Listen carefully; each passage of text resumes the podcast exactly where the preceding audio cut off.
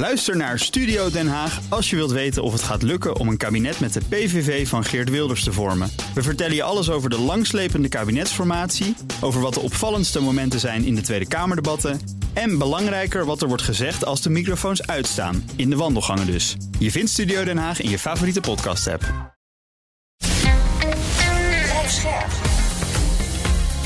BNR Nieuwsradio. Boekenstein en de Wijk. Hugo Reitsma. De eerste tien jaar voerde hij liberaal, pro-westers beleid en stelde politiek en economisch orde op zaken. Maar daarna trok hij steeds meer macht naar zich toe, gooide tegenstanders en journalisten in de bak, bombardeerde in buurlanden en keerde zich af van Europa. Zie daar de laatste twintig jaar van president Poetin. En van president Erdogan. Waar ging het mis en wat moeten we aan met de Poetin van Turkije? Welkom bij Boekenstein en de Wijk, op zoek naar de nieuwe wereldorde met oud-ambassadeur in Ankara en eerder permanent vertegenwoordiger bij de NAVO, Marianne de Kwaasteniet. Welkom. Dank je. Denk je dat die intro van mij valt onder de strafbaarstelling belediging van de president trouwens? Het zou kunnen. Ai, ai. Dan gaan er wel meer vrijheden verloren in het eh, Turkije van Erdogan. Hoe democratisch is dat land nog aan de vooravond van de verkiezingen in mei? Nou, het is een democratie eh, in grote problemen. Dat is eh, evident. In die periode dat ik me ermee bezig heb gehouden, heb ik de situatie alleen maar zien verslechteren. Een clampdown, of een beperking van de rechten van maatschappelijke organisaties, meer journalisten die gevangen zitten. Ehm, ja, persvrijheid is echt nu gemuilkorfd. En heel belangrijk, eigenlijk geen onafhankelijke juridische macht meer. Geen, de Mhm. staat is echt zwaar beschadigd. Maar nog steeds wel een land waar eh, redelijk vrije verkiezingen plaatsvinden. Ja. Niet fair, in de zin van dat de oppositie veel minder toegang heeft tot en de media en tot middelen. Want de zittende macht gebruikt schaamteloos de middelen van de staat voor zijn politieke campagne. Maar ja, de Turken zijn erg gehecht aan hun verkiezingen. En eh, die zijn tot nu toe altijd toch wel beoordeeld als eh, min of meer vrij.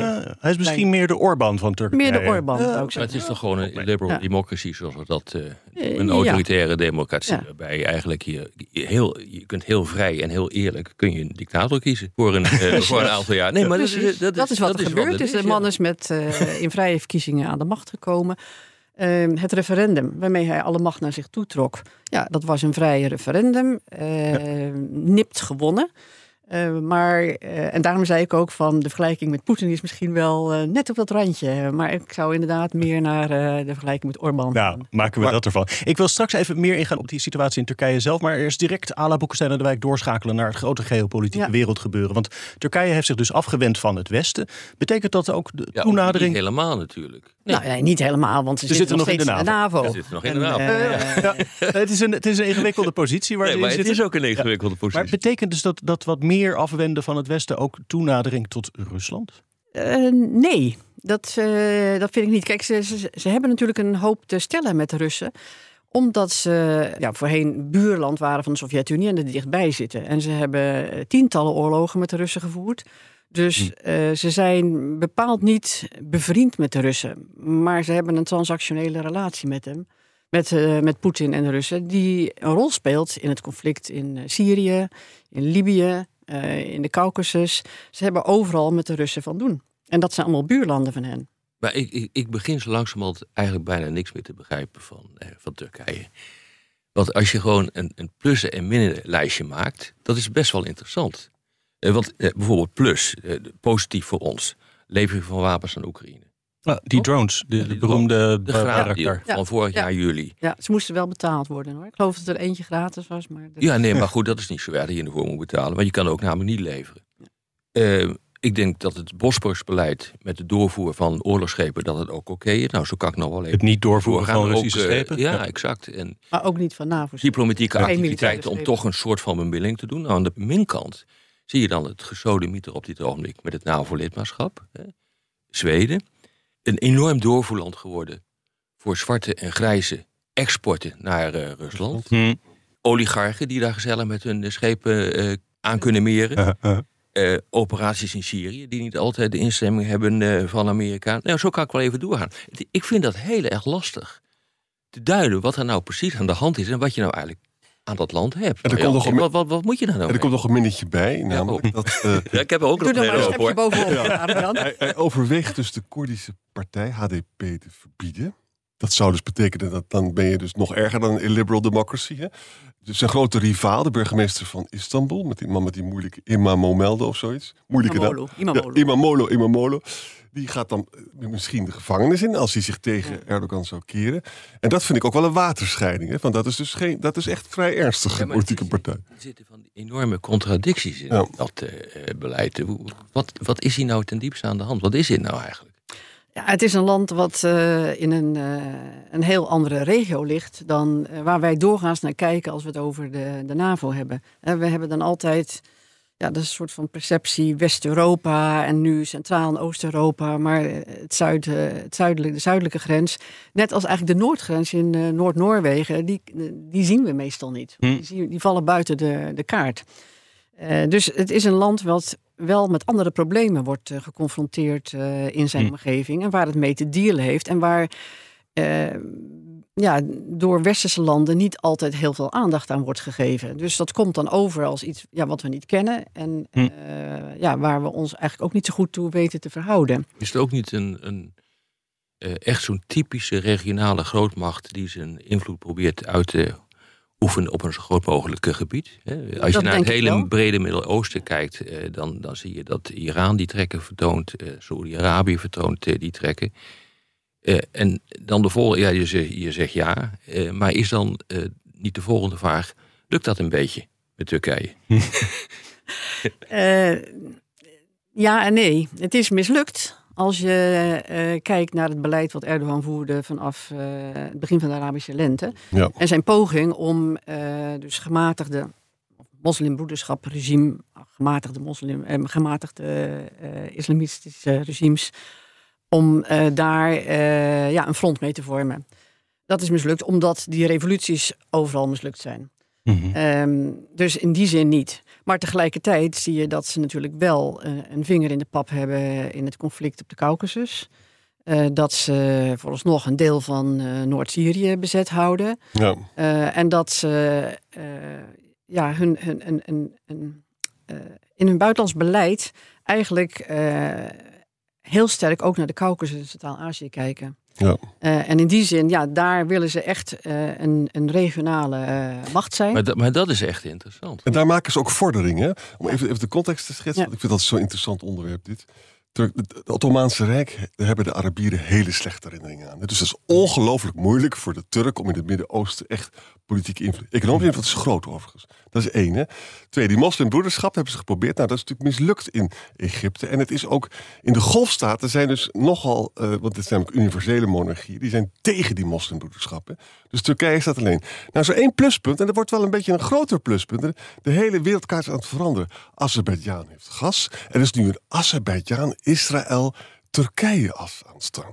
Dat en is ook nog anti-Iran aan het worden. En eerlijk gezegd, mijn stelling zou zijn, maar dan moet, moet ik aan, aan jou- jouw vragen mee, of het wel klopt. Door de oorlog in Oekraïne heeft Erdogan eigenlijk een betere positie gekregen dan die had. Ja, absoluut. Ja. Eh, Hoe zit heeft dat? voor de- nou ja, het heeft al in, in de eerste plaats te maken met het feit dat de Russische positie verzwakt is. Ja, Eh, eh, waar voorheen eh, Erdogan duidelijk het kleine broertje was ten opzichte van Poetin, Ja. is dat nou, is nog steeds wel kleiner, maar is, is een ander evenwicht ontstaan. Dus daar heeft hij voordeel bij, wat, wat hij ook kan gebruiken op de Caucasus bijvoorbeeld. Ehm, maar je zei zo even dat hij alleen staat. Hij heeft natuurlijk, dat is niet meer zo. Hè? Hij Nee. heeft de afgelopen jaar, anderhalf jaar, enorm gewerkt aan het eh, herstellen van de betrekkingen met al die landen in de Golf, eh, met Egypte, met Israël. Hè? Ben- Ja. Onlangs eh, ambassadeurs eh, uitgewisseld. Eh, en dat eh, was ja, om allerlei redenen nodig. Hij moest het geld van die eh, landen hebben. ja. Eh, Gas? Zeg je? Gas? Gas ook, ja, gas. Ja, want eh, zij zijn ook voor een flink eh, deel van de gasimporten eh, importen afhankelijk van, eh van Ja. Russen. Dus dat moet ook uit eh Azerbeidzjan, Irak, Iran komen. Ehm, ja, en daarmee is er natuurlijk ook een- front ontstaan in feite tegen Iran. Dat is niet wat de Turken nastreven. Nee. Zij hebben vrij goede betrekkingen met ja Iran zeker. Ja. veel, eh, ja, eh, Er is redelijk veel contact over en weer. Uh, maar dat is meer vanuit Arabische landen gezien uh, een interessante ontwikkeling. Een heleboel plussen en minnen dus. Hoe kan je dat verhouden met gewoon het feit dat ze NAVO-lid zijn en dus onze bondgenoot zouden moeten zijn? Ja, Lijkt me ontzettend vraag. problematisch. Ze hadden die, die, die Russische luchtafweer uh, hebben we hier al vast 400 ja. gekocht hè, en zijn toen geloof ik uit het F-35-programma gegooid door de. Amerikanen. Ja. kan je dit op die manier volhouden? Ja, het is wel lastig, maar uh, laten we zeggen tot nu toe uh, niet uh, in de orde van het is onaanvaardbaar. Kijk, het blijft natuurlijk een, een heel belangrijk land. Het is groot, het heeft de tweede, de tweede krijgsmacht in omvang van mm -hmm. bondgenootschap. Het geeft het bondschap strategische diepte vis-à-vis -vis, Rusland. Vluchtelingen. vluchtelingen, ja. Uh, heel uh, erg ja, belangrijk. Het, het, ligt nog, en dat is eigenlijk natuurlijk fantastisch goed naar voren gekomen na 24 februari. Het ligt aan de monding van de Zwarte Zee. Ja. En dat is voor het bondgenootschap wel heel belangrijk. Is dat een belangrijke reden om niet al te hard op te treden tegen Turkije als NAVO? Ja, niet direct zo één op één. Hè, maar uh, het feit dat het uh, in een andere regio ligt, een andere verhouding heeft uh, met Rusland, dat het misschien soms handig is wanneer er conflicten zijn, dat er ook landen zijn die een soort van neutrale positie innemen. ik denk dat dat ook gewoon een rol speelt. Ja, bij de Oekraïne-oorlog kan, kan dus Erdogan een beetje bemiddelen hè, met Poetin. Dat, dat speelt hij helemaal uit. Ja, ja, ja, ik vind bemiddelen is misschien is een te veel woord. eer. Hè, te Ja. eer. ja, dat denk ik ook. Meer, vast, uh, meer gefaciliteerd, denk ik. Ja. Ja, faciliteren. Ja. Ik Ja. denk niet dat ze daar echt... Een, ik weet ook niet, Zelensky heeft dat misschien helemaal niet nodig. En als hij het nodig heeft, dan weet ik niet of hij naar de Russen zou kijken. Maar, maar hoe moet je hier nou als Europese Unie bijvoorbeeld mee op eh, omgaan? Hè? Want eh, we hebben het al even gehad over eh, wat er in de Caucasus gebeurt. Nagorno- Nagorno-Karabakh is natuurlijk een fantastisch eh, Ja. voorbeeld. Daar komt oorlog. Dat is Eh, duidelijk. ja, iedere keer zie je dus dat er geen musselingen Vreselijk. zijn met Armenië. Mm. Eh, eh, de, Russen die zijn voor Armenië. Om het even heel simpel te zeggen. Turkije kiest de kant eh, van eh Azerbeidzjan. Eh, de Europese Unie heeft een deal gemaakt om Bemiddelen. om nee, om gas te laten eh, lopen via Azerbeidzjan en Turkije naar Europa. Ja. je, je komt echt in een onmogelijke positie terecht zo langzamerhand. Wat, eh, wat, wat moet je nou eigenlijk mee? Ja, de afstand tussen de eh, Europese Unie en Turkije is natuurlijk eh, enorm eh, toegenomen. Ja. En, en steeds transactioneler geworden. Het idee dat we ooit nog die toetredingsonderhandelingen gaan oppakken. Nou, ik zie het niet snel gebeuren. En ik zie eerlijk gezegd ook Turkije, juist omdat het die, die ambitie heeft om een regionale macht te worden, Ja. niet meer lid worden van de Europese Unie. Nou ja, je ziet nou even afgezien daarvan. Hè, maar eh, kijk, we hebben natuurlijk een hele discussie gehad over Russisch gas. eh, hoe eh, Poetin eh, ook in staat is, maar dat hebben wij trouwens ook gedaan, om gas als wapen eh, te gebruiken. Ja. Eh, het, eh, dat gas komt nu dan eh, via eh, de zuidelijke gascorridor. eh, eigenlijk uit eh, eh, Azerbeidzjan via Turkije en dan gaat het Europa in. Wat is er nou voor garantie eh, te geven dat eh, Erdogan, Turkije in algemene zin, wie er ook aan de macht is, dat ook niet gaat doen? Met het manipuleren met gas. Want dat zou je namelijk, dat zou je namelijk wel verwachten met, een, met zo'n leider, met zo'n, met zo'n autocraat. Eh, die vindt dat hij eh, een veel belangrijke positie moet innemen. Die zich continu geschoffeerd voelt. Of door de NAVO of door de Europese Unie. Het maakt gewoon niet uit hoe zijn bed staat. Of hij wordt geschoffeerd. Hoe moet je hier nou in godsnaam mee omgaan? Ja, ja goede vraag. Eh, nu, nu, nu, nu een oplossing. nu een oplossing. Kijk, eh, ik denk dat het eh, nu niet aan de orde is. Ze, ze hebben de aspiratie ook om een gashub te worden. Ja. Dus ze willen in eerste instantie zich in positieve zin ontwikkelen. Dat het ooit in een bepaalde situatie eh, ertoe zou kunnen leiden dat ze een andere rol gaan spelen. Ja, dat, dat kan ik nu niet uitsluiten. Dat is natuurlijk speculeren. Maar eh, het belangrijkste is natuurlijk van het Westen om ervoor te zorgen dat ze eh, veel minder afhankelijk worden van eh gas dat via pijpleidingen komt. Nou ja, En, dat, maar dan de moet het wel. LNG. We, wel we hebben inmiddels ook Rusland al afgesloten. Dat willen we ook niet. Ja. Eh, de Europese Unie heeft die deal gemaakt met, eh met Azerbeidzjan. Dus eh, dan heb je weer het Turkse probleem. En gashub, ja. Maar welk gas dan? De, ongeveer de helft van het gas komt uit Rusland. Ja. wat Turkije gebruikt. Er is een enorme gedoe rond de grote gasvelden rond Cyprus. Ja.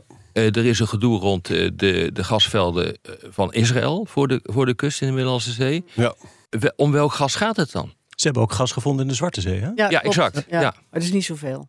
Nee. En dat willen ze voor eh, eigen gebruik eh, inzetten. Maar dat, dat gaat gewoon 10, 15 jaar cover en dan Hmm. op. Maar even nog het punt van, van Rob. Ja, nee, is- ja, even de antwoord op mijn vraag. Ja, ja, even antwoord op je vraag. Sorry, Rob. Nou ja, Ik heunken, eh, heunken naar een antwoord. Eh, het gas wat er is, en dat is op dit moment eh gashub zijn met het gas wat er stroomt. En die, die leidingen uit eh Azerbeidzjan die kunnen nog wel verdubbeld worden, die Exact. aanvoer. Ja. Dus eh, ze kijken dus- ook wel naar, eh, naar Irak, denk ik. Ja, maar je krijgt dus een, heel, een hele andere wereld. Ik, ik heb Ja. er zoveel genoten toen ik dat ging analyseren allemaal.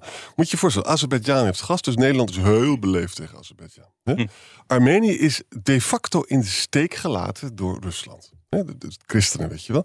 Wij, wij zijn zogenaamd christelijk, maar de relatie met Armenië, met Jerevan zijn niet zo vreselijk sterk. Hè? Wij zijn heel beleefd tegen Azerbeidzjan. Azerbeidzjan doet de meest verschrikkelijke dingen met Nagorno-Karabakh. Loopt het helemaal nu te blokkeren en, en te, uit te hongeren. Dat leidt dus gewoon tot oorlog. Ik voorspel je, daar gaat men niet, geen grote mond over hebben. Er zit een EU-monitoringsteam zitten. Nou, Israël steunt Azerbeidzjan ook.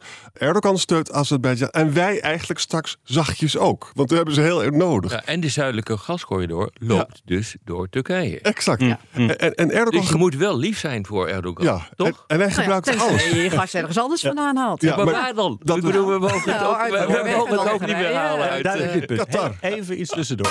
Ja, Qatar. BNR Nieuwsradio. Boekenstein en de Wijk. Op zoek naar de nieuwe wereldorde. Dit is Boekenstein en de Wijk. En dat programma is natuurlijk niet zonder Arend-Jan Boekenstein en Rob de Wijk. Mijn naam is Hugo Reitsma. En met oud-ambassadeur in Turkije, Marianne de Kwaasteniet, zitten wij te plussen en minnen over president Erdogan. Dit programma is ook niks Als zonder ik het Hugo. zo hoor, misschien eigenlijk best slim speelt in al die dingen. Ik probeer even een Ja. belediging van het begin goed te maken. Maar ehm, intern, want ik wil eventjes nog naar Turkije zelf kijken, doet hij misschien niet zo slim. Dus ik kijk naar zijn economisch beleid. Ik zag ook een peiling deze week volgens mij van de Duitse Adenauer Stichting. Die zei dat meer dan 70% van de jongeren uit Turkije zou eh, willen vertrekken. Velen die doen dat ook. Hoe gaat het met die arme Turken zelf? Ja, die hebben het zwaar. Eh, die hebben het eh, economisch ontzettend zwaar. Met de torenhoge inflatie. Hm. En met ook stagnatie van buitenlandse investeringen. En het klopt, veel jongeren willen weg. Gaan er ook best veel naar Nederland. Eh, dus het is eh, niet gemakkelijk voor de gemiddelde Turk. Eigenlijk is een deel van de middenklasse weggevaagd in de afgelopen twee, drie jaar. Ja. Door de economische problemen. Ja, dat probeert hij te corrigeren. Hè. Ik zei al eerder in het gesprek, eh, hij zet de middelen van de staat in. Ja. We hebben de afgelopen maanden gezien dat hij ehm, het minimumloon, wat overigens door een heel groot deel van de mensen daar wordt verdiend, met 50% heeft eh, verhoogd. Eh, de ambtenarensalarissen zijn flink omhoog gegaan met 30%. Pensioenen. Hij is cadeautjes aan het uitdelen Hij voor de verkiezingen cadeautjes aan het zeker. uitdelen. En eh, het gaat zelfs tot eh, zover dat hij eh, verkeersboetes om eh, lichte eh, vergrijpen, dat die zijn eh, kwijtgescholden. Ik bedoel, als je iemand doodrijdt, dan Dit niet. Maar als je door een rood de- licht rijdt, dan mag je je bond verscheuren. Dit heeft alles met de verkiezingen te maken. Alles. Alles. Alles. En, en, en, in- kijk, we hebben net gehad van ja, je moet toch lief zijn voor, voor, voor Erdogan omdat je ook uiteindelijk deals wil maken, bijvoorbeeld met Azerbeidzjan voor de toegang eh, van, eh, van gas. Eh, omdat die pijpleidingen dwars door eh, Turkije lopen. Maar als we nou even verder naar het noorden gaan kijken. Eh, dat lief zijn voor Erdogan, heeft dat dan ook consequenties voor de toetreding van Finland en Zweden eh, tot de NAVO? Kunnen wij niet hard genoeg optreden, geen grote bek opzetten tegen Erdogan? Van nou is het afgelopen en nu moet je maar eens een keer leveren, wat dat betreft? Ja, ik denk dat we dat eh, misschien net iets, laten we zeggen, voor de kerst hadden moeten doen. niet dat de kerst er iets mee te maken heeft, maar ik wil, we zitten nu in die verkiezingsdynamiek en het gaat gewoon niet meer werken. Er gaat gewoon niks meer gebeuren voor eh, die verkiezingen van, eh, van mei. Maar daarna, maar daarna het- kan het wel, hè? Daarna kan het. Daarna zou dat eh, moeten kunnen, want ik vind het echt onverantwoordelijk wat Turkije doet. Kijk, we zijn vorig jaar, 24 februari, was een sleutelmoment in de Europese geschiedenis. De Zweden en de Finnen hebben daar een heel belangrijk eh, besluit genomen. Wat voor het NAVO-bondgenootschap echt heel relevant is. Want als zij toetreden, dan ja, wordt de Oostzee een, een binnenzee van de NAVO. Eh, Noordelijke uh, zeeën uh, zijn veel meer onder controle. De Baltische staten krijgen diepte. Mm. Het is ongelooflijk belangrijk. En ik, ik vind het wel dat het legitiem is dat de Turken daar een voorwaarde aan stelden. Maar eh, nadat ze dat memorandum hadden gesloten en de Zweden en Finnen behoorlijk bezig waren dat invulling te geven, toen had het sloes moeten zijn en hadden ze moeten Ja. instemmen. Maar hoe kun je ze alsnog dwingen, om maar zo te zeggen, tot instemming? Nou ja, de Amerikanen zijn daarmee bezig. Maar hoe met, doen ze dat dan? Met die F-16 leveren. Nou, toch Maar- nog steeds. Maar het ja. probleem is dat die voorzitter, die Amerikaanse senator, democraat Menendez, is ongelooflijk kritisch. En die, die wil niet, die wil niet. Er is, een, er is een brief gestuurd door 29 senatoren eh, gisteren, geloof ik, dat zij eh, niet willen instemmen met eh, de leverantie van eh, Ja, eh, nieuwe F-16's en, en de upgrade kits. Eh, Leg het Tot- even uit waarom ze dat niet willen. ze vertrouwen Erdogan niet. Ja, ik weet niet of er per se een, eh, een eh, relatie tussen is. Dus die, ik bedoel, in, in, in de technische zin. Maar ze zien gewoon dat er druk moet komen op, eh, Ja. op Turkije. En dat doen ze op, eh, op deze manier. Want ze, Ja. ze treffen hem natuurlijk daar wel op een heel eh, belangrijk punt. En Ja. na, naar aanleiding daarvan, want dat betekent dus die route via Amerika, die werkt dus nu nog even niet. Hè? Ja. Wat ik interessant vind is dit. Eh, eh, Erdogan was vroeger, hij begon heel goed. Hè? Hervormer. Hm. Hij zorgde ervoor dat vrome MKB-jongens een prachtig MKB konden. Er kwam een middenklasse in Turkije. Hm. De krijgsmacht werd een beetje in zijn hok terug. Die was ook behoorlijk corrupt. Dat was ook Mm. onnodige. Nu is hij bezig, omdat hij dus een hele merkwaardige monetaire theorie aanhakte. Ja. 64% inflatie. Dat betekent dus dat je de middenklasse gewoon kapot maakt. En dat is precies die die nodig heeft voor zijn stemmen. Dus eerlijk gezegd vind ik het wel... eh, eh, Het is toch wel heel gevaarlijk wat hij doet. Is het ook mogelijk dat hij de verkiezingen in mei verliest? Dat is mogelijk. Hoe Ik- groot is die kans dan? 50, Ik wil het precies weten. precies weten. Nou, ik, eh, ik eh, ben niet heel eh, optimistisch. Ook omdat ik zie dat de oppositie achterblijft met het smoel krijgen. Mhm. Ja, ze hebben nog steeds geen kandidaat gepresenteerd. Hmm. Dat moeten ze binnen nu in twee weken doen. Of dat gaan ze binnen twee weken doen. En pas dan kun je spreken van een echte campagne. Want dan krijg je twee kandidaten tegenover elkaar. En nou ja, de vraag is of het slim is geweest dat ze daar zo lang mee hebben gewacht. Want nu zijn ze eigenlijk gewoon toch nog onzichtbaar. En valt iets te zeggen over eventuele koersverandering van Turkije als Erdogan, als we die kwijtraken? Ja, dan zal er wel een koersverandering komen. Ja, Welke richting? Nou, meer georiënteerd op het Westen. Meer op de NAVO en de Europese Unie.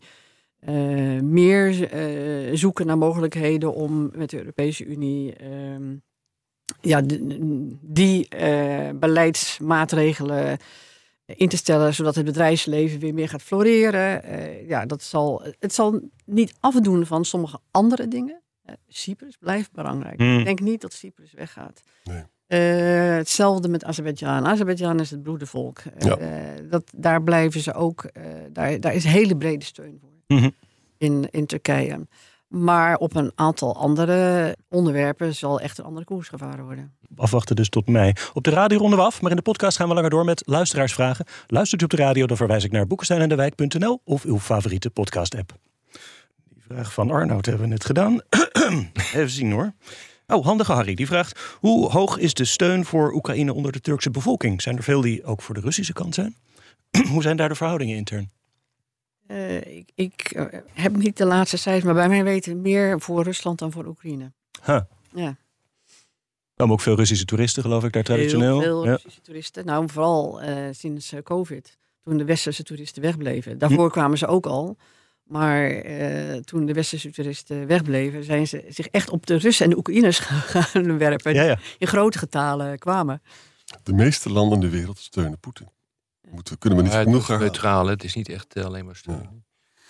G.E. De Wilde vraagt: Is lidmaatschap van de NAVO een belangrijke pijler van het buitenlands beleid van Turkije of meer een blok aan het been? Waar is na de afwijzing van EU-lidmaatschap, het mislukte avontuur van de VS in Irak, de miljoenen Syrische vluchtelingen, het voordeel voor Turkije nog? Nou, dat zijn wel heel veel vragen. Ik denk, Er zijn heel veel problemen. Rob mag er ook een paar nemen. Ja. Nou, kijk, het grote voordeel van het lidmaatschap van de NAVO zit toch in eh, de bescherming tegen Rusland. Dat is toch een, een, een aardsvijand eh, en dat eh, historisch gezien. Hè, de- je kunt dan zeggen van ja, oké, nu hebben ze redelijk goede betrekkingen in, eh, in, in deze jaren. Maar historisch gezien is, dat, is er zoveel voorgevallen tussen Mhm. die twee landen. Dat de, dat toch wel de belangrijkste pijler is. Maar hoeveel steun is er nog voor het NAVO-lidmaatschap? Ik herinner me nog heel goed die discussies die ook in Turkije hebben gespeeld over een, een, een lidmaatschap, of eh, hoe je het ook allemaal zou willen noemen, van de Shanghai Cooperation Organization. Hè? Dus dat is een club eh, van China Ja. en Rusland, eh, die niet echt een alternatief voor de NAVO is, maar zich wel met, met veiligheidszaken bezighoudt, met vooral contra-terrorisme, althans op papier. Hoe, hoe moet ik daar tegenaan kijken dan? Ja, ik denk dat, dat de steun voor de NAVO onder de bevolking... die zou wel eens wat lager kunnen zijn dan, dan je zou willen. Wat overigens in heel veel Europese landen voordat deze oorlog uitbrak Ook het geval. ook het geval was. Hè? Ja. Eh, maar goed, we, we spreken toch een beetje van high politics. En Ja. zeker nog in een land als eh, Turkije. Dus dat is niet per se heel erg eh, leidinggevend. ehm. Ehm, dus ja, ik, ik denk dat, dat we daar niet al te veel aandacht aan hoeven te geven. En nu moet je al die andere vragen die er nog in zaten in die vraag, eh, Hugo, nog even herhalen. Nou, want dat laten we lekker zitten. Ja, Ehm, misschien Maar nog, nog één puntje van. Hm? Ik, als ik met Turkse studenten spreek in Turkije, dan vind ik het anti-Amerikanisme zo sterk Ja. ontwikkeld. Is dat nog steeds zo? Ja. Ja. Ja. Opvallend, hè? Ja, eh, is eh, enorm veel complotdenken. Ja. Kijk nou alleen naar dat kleine incident eh, van gisteren. Hè, dat eh, die, eh, die, die consulaten in eh, Istanbul eh, voor het publiek gesloten waren. Overigens hun, Vanwege terroristische dreiging, zeiden ze geloof ik. hè? hun dienstverlening nog eh, online voor te zetten. Ja, Huh? vanwege een, een dreigingen. En, en ja, die, al die consulaten liggen in het midden van Istanbul. Dus ja, dan, dan, dan sluit je de deur een tijdje om Mhm. ervoor te zorgen dat je niet te veel publiek over de vloer krijgt. Mhm. Daar was meteen een, een theorie over van dat het eh, bedoeld was om het eh, toerisme in eh, Turkije te schaden. Ja. En dat het door de Amerikanen was opgestookt. En kortom, meteen een complot. Ja, ja. Alles is meteen een complot in Turkije. Hoe komt dat? Ja, eh complotdenken neemt ook toe in, eh, in Europa en in, en Klopt, in maar het Amerika. kan ook, maar, eh, maar in het Midden-Oosten en in Turkije eh spelen Uitbundig. uitbundig. En het wordt ook aangewakkerd door de politici. Ja. Ja. Eh, Het is een manier van denken die er is. Die ook Het is een manier van mobiliseren is. voor politici. Absoluut. Exact. exact. Ja. En linkse partijen gebruiken ook rechtse argumenten als het dan uitkomt en andersom. Het is een zootje, vind ik. Die is Heb voor jou. over Nederland of... eh, Uit Turkije. nee, Turkije is echt wild. Ja, ja, ja. Ik vind het altijd zo frappant dat je, hoort vaak dat onder Nederlandse Turken zoveel steun is voor Erdogan, voor de AK-partij, of oh, trots op Turkije. Terwijl als ik dan Turkse Turken spreek, ja, die komen dan vooral uit de grotere steden. Die haten die man allemaal. Ja. Ja. Ja, ehm, de, de eh, verkiezingen uit het verleden eh, hadden lieten zien dat inderdaad eh, de steun voor Erdogan enorm is, de AKP in Nederland. Hoger dan in, zelfs nog dan in andere West-Europese landen. Maar het is wel zo dat minder dan de helft van het electoraat eh, opkomt. Dus eh, er zijn ook heel veel Turken die zeggen van dit zijn mijn verkiezingen niet. Ik woon in Nederland, ik heb daar verder niks mee te maken. Ik ga niet eh, naar die stembus toe. Jan Balhoff vraagt, hebben jullie ook zo het idee dat Erdogan baat heeft bij de oorlog om die langer te laten duren vanwege politieke of economische voordelen? Nou, ik zou zeggen nee. Dat lijkt me ook niet. Ik, eh, nee, Hm? ik zie niet hoe dat zou Oh, kunnen. helder. Naarmate, we hebben, eh, volgens mij hebben we daar gisteren over gesproken. Naarmate die oorlog eh, duurt, wordt het ook onzekerder.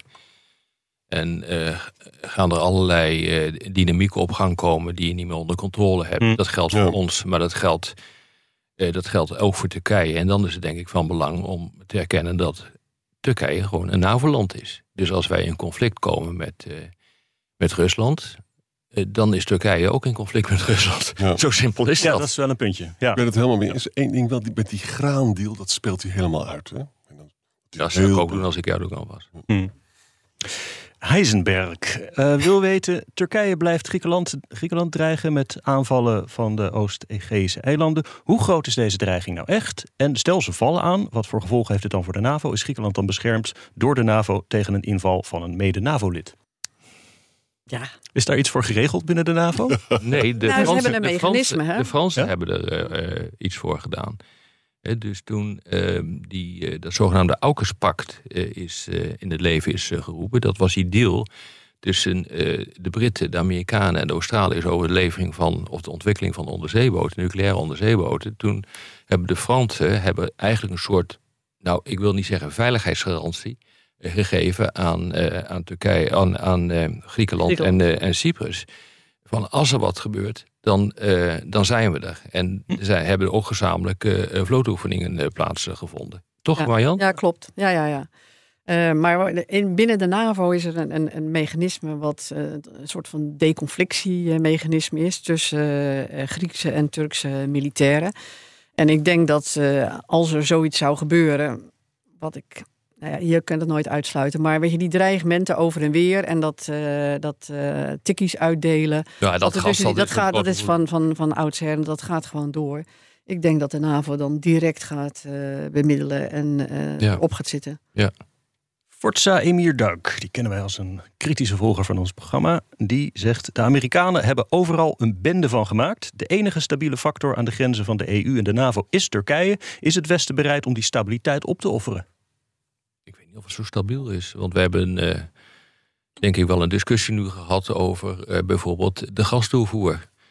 Eh, hoe we daar tegenaan moeten kijken. En we hebben niet voor niks gediscussieerd over de vraag hoe stabiel dat is en in hoeverre je daarop aan kan. Ik, ja, kijk, weet je, het is, volgens mij is het gewoon wat dat betreft vrij simpel. Het is een groot land, het is een belangrijk land, het is een land dat een regionale speler wil, eh, wil zijn. Dat is, betekent dus per definitie automatisch dat zo'n land zijn eigen plan gaat trekken. En dat betekent ook automatisch dat je dan gedoe krijgt binnen de NAVO, maar eigenlijk ook binnen Europa. Dus het is nooit zeker, omdat het land zo groot, zo belangrijk is, eh, dat het per definitie fricties oplevert. Er zitten natuurlijk ook nog, wat is het, 4 miljoen Syrische vluchtelingen die het liefst door zouden reizen naar Europa. Ja, dat is eh, inderdaad eh, het geval. En eh, ja, die, die, die, die vluchtelingen die spelen ook nog steeds een, een rol in die, in die campagne. Hè.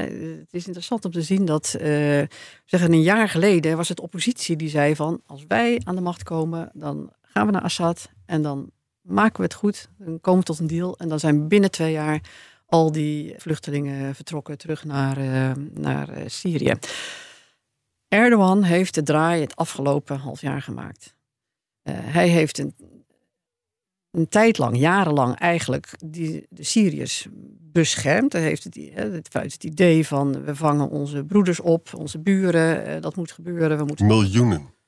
3,5 miljoen Syriërs, ja. Maar hij heeft nu de draai gemaakt en eh, er zijn dus pogingen geweest al om met het regime van Assad in gesprek te gaan. Hè. De ministers van Defensie hebben elkaar ontmoet in Moskou. En het idee was dat ook de ministers van Buitenlandse Zaken elkaar zouden spreken. En dan ja, als opstapje naar een ontmoeting tussen Erdogan en Assad. Ja. Maar daar is weinig eh, voortgang geboekt eh, in de laatste twee maanden.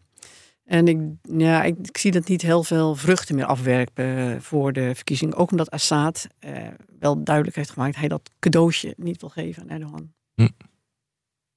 Ik doe er nog eentje van Forza. Dan hebben we nog steeds maar een klein percentage van zijn vragen en opmerkingen, eh, vooral dat laatste, behandeld. Eh, hij zegt: Waarom wordt er nooit eens vanuit het Turkse perspectief naar de zaken gekeken? Dat dit westerse beleid niet werkt, is wel duidelijk. Dat de Turken ook geen stap terug gaan doen en naar de pijpen van het Westen gaan dansen, is ook wel helder. Die tijd is geweest, ook zonder Erdogan. Ja, wat wil je Dat hebben we ook gezegd. Dat hebben we ook gezegd. Dat hebben we ook gezegd, ja. Ja. hier moet je mee dealen. Dit is een, een, regionale grootmacht, daar moet je gewoon mee dealen. En dat is gewoon heel vervelend. Ik denk dat een hele hoop mensen eh, eh, de Turken liever kwijt dan rijk zijn binnen de NAVO. Maar dan heb je toch weer eh, de, de problemen waar Marjan het over hebt. Het, heeft, het, is wel de toegang tot de Zwarte Zee, om maar eens wat te noemen. Het is wel verstandig om hem erbij te trekken. Hè, maar het is eigenlijk, als je het opnieuw zou moeten doen, zou het land er niet bij halen, denk ik. Dan krijg je gewoon echt eh, dat men zegt van ook uit culturele, religieuze, religieuze overwegingen is het niet zo'n goed, eh, goed idee. Eh, net zoals dit Ja, maar die geografie die blijft, eh, Rob. Ja, dat klopt. En, heb ik, en, heb en je, die is heel, heel erg belangrijk. Want stel dat Griekenland de buitengrens was van eh ja, NAVO. moet je die verdedigen. Echt ingewikkeld. Ja, Ja, maar dat Niet klopt. verdedigen. Nee, maar, maar ik denk wel dat het politieke en publieke debat zo gaat verlopen dan in. eh, dat zie je ook met de Europese Unie. Precies hetzelfde. Maar, maar ook het punt van better Erdogan pissing out pissing in. Hè? Dat is de oude. Erdogan is natuurlijk ook niet Ja. voor eeuwig. Nee. Het, het lijkt 20 jaar is lang, maar eh, Best lang. eh, eh, daarna, eh, Turkije zit al sinds 52 bij de NAVO. Dus dat, dat, dat gaat lang voor Erdogan eh, uit. Dit was weer Boekenstein en de Wijk. Namens Arend-Jan Boekenstein en Rob de Wijk zeg ik dank voor het luisteren. Speciale dank aan Marianne de Kwaasteniet. En fijn weekend. Oh, ja, dankjewel. Fijn weekend. Hetzelfde. Ook Liesbeth Staats vind je in de BNR-app. Ja, heel handig. Luister live naar Kees en mij tijdens de Daily Move. Dan blijf je ook gelijk op de hoogte van breaking news en het laatste zakelijke nieuws. En daar vind je ook alle BNR-podcasts, waaronder de Perestrooikast. Download nu de gratis BNR-app en blijf scherp.